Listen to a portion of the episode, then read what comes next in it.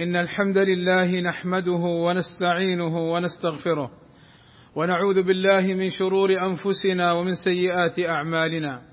من يهده الله فلا مضل له ومن يضلل فلا هادي له. وأشهد أن لا إله إلا الله وحده لا شريك له. وأشهد أن محمدا عبده ورسوله. يا أيها الذين آمنوا اتقوا الله حق تقاته. ولا تموتن إلا وأنتم مسلمون.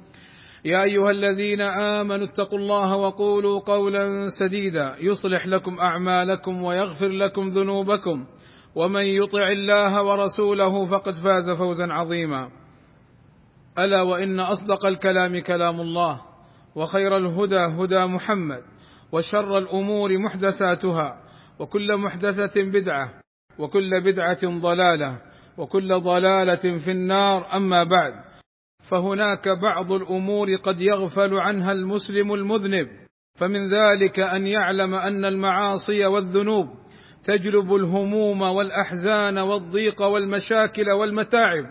كما قال تعالى ومن أعرض عن ذكري فإن له معيشة ضنكا وقال صلى الله عليه وسلم إن مثل الذي يعمل السيئات ثم يعمل الحسنات كمثل رجل كانت عليه درع ضيقة قد خنقته ثم عمل حسنة فانفكت حلقة ثم عمل حسنة أخرى فانفكت حلقة أخرى حتى يخرج إلى الأرض. ومن الأمور التي يغفل عنها المسلم أن يتبع السيئة بالحسنة لتمحها لأن تراكم السيئات يؤدي إلى الرين. وهو الغطاء على القلوب فلا يعرف المعروف ولا ينكر المنكر.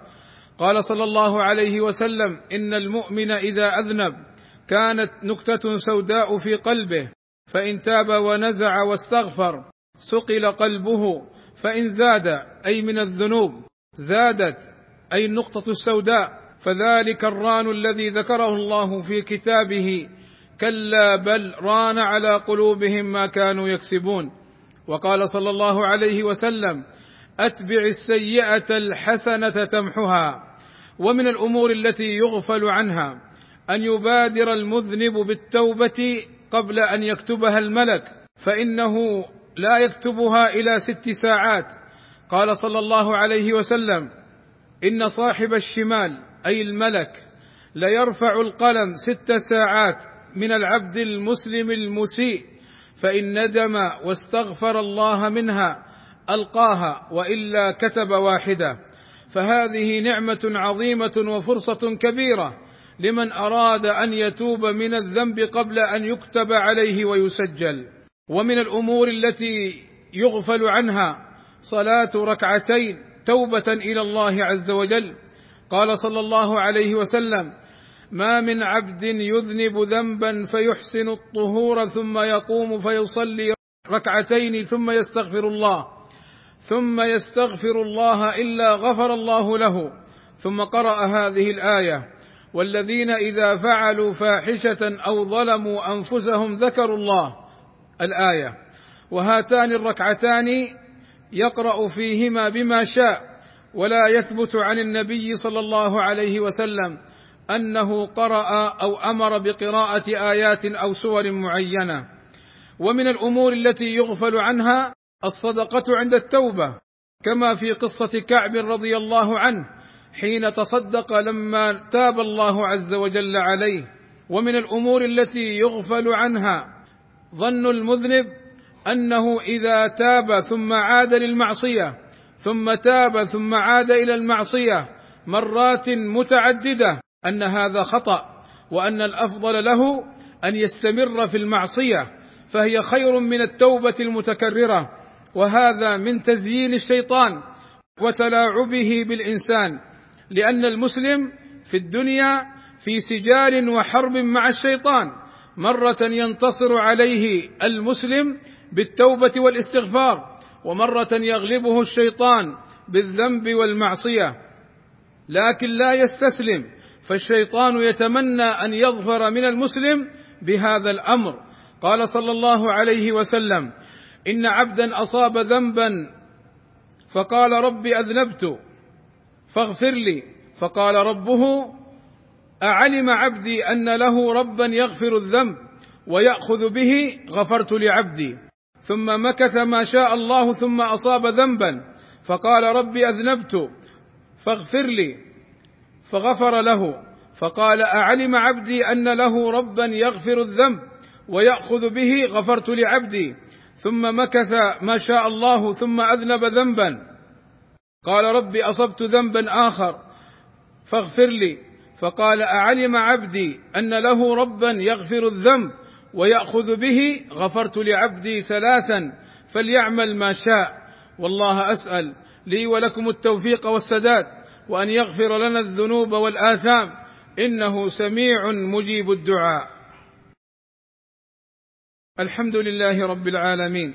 والصلاة والسلام على المبعوث رحمة للعالمين. وعلى آله وصحبه أجمعين. عباد الله إن من الأخطاء الفادحة التي قد نسمعها من بعض الناس أنهم إذا رأوا فاسقا صاحب معاصي قالوا والله لا يغفر الله لفلان وهذا حلف وتألي على الله الغفور الرحيم سبحانه وتعالى وهو أمر خطير. قال صلى الله عليه وسلم إن رجلا قال والله لا يغفر الله لفلان. وإن الله تعالى قال من ذا الذي يتألى أن يقسم ويحلف؟ من ذا الذي يتألى علي أن لا أغفر لفلان؟ فإني قد غفرت لفلان وكان مذنبا وأحبطت عملك وكان رجلا صالحا فهذا يدل على خطورة الأمر. ومما يدخل في هذا الباب أي التألي على الله أنه لا يغفر لفلان من لا يدعو لولاة الأمر ويقول إن الله لا يغفر لهم بسبب ما يوجد من المعاصي. قال المروذي للإمام أحمد من مات على الإسلام والسنة هل مات على خير؟ فقال الإمام أحمد أسكت بل مات على الخير كله أي لأنه مات على الإسلام والسنة وإن كان مذنبا. اللهم صل على محمد وأزواجه وذريته كما صليت على آل إبراهيم وبارك على محمد وأزواجه وذريته كما باركت على آل إبراهيم إنك حميد مجيد. وارض اللهم عن الخلفاء الراشدين أبي بكر وعمر وعثمان وعلي وعن جميع أصحاب النبي صلى الله عليه وسلم. اللهم آتنا في الدنيا حسنة وفي الآخرة حسنة وقنا عذاب النار. اللهم فرج همومنا واكشف كروبنا ويسر أمورنا. اللهم اغفر للمسلمين والمسلمات والمؤمنين والمؤمنات. الأحياء منهم والأموات. اللهم وفق ولي أمرنا الملك سلمان ابن عبد العزيز لما تحبه وترضاه. اللهم أصلح به العباد والبلاد واحفظه من كل سوء. ووفق ولي عهده الأمير محمد ابن سلمان إلى كل خير. اللهم احفظه من كل سوء.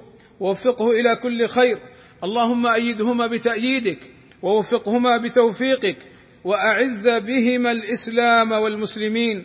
وصلى الله وسلم على نبينا محمد. وعلى آله وصحبه أجمعين والحمد لله رب العالمين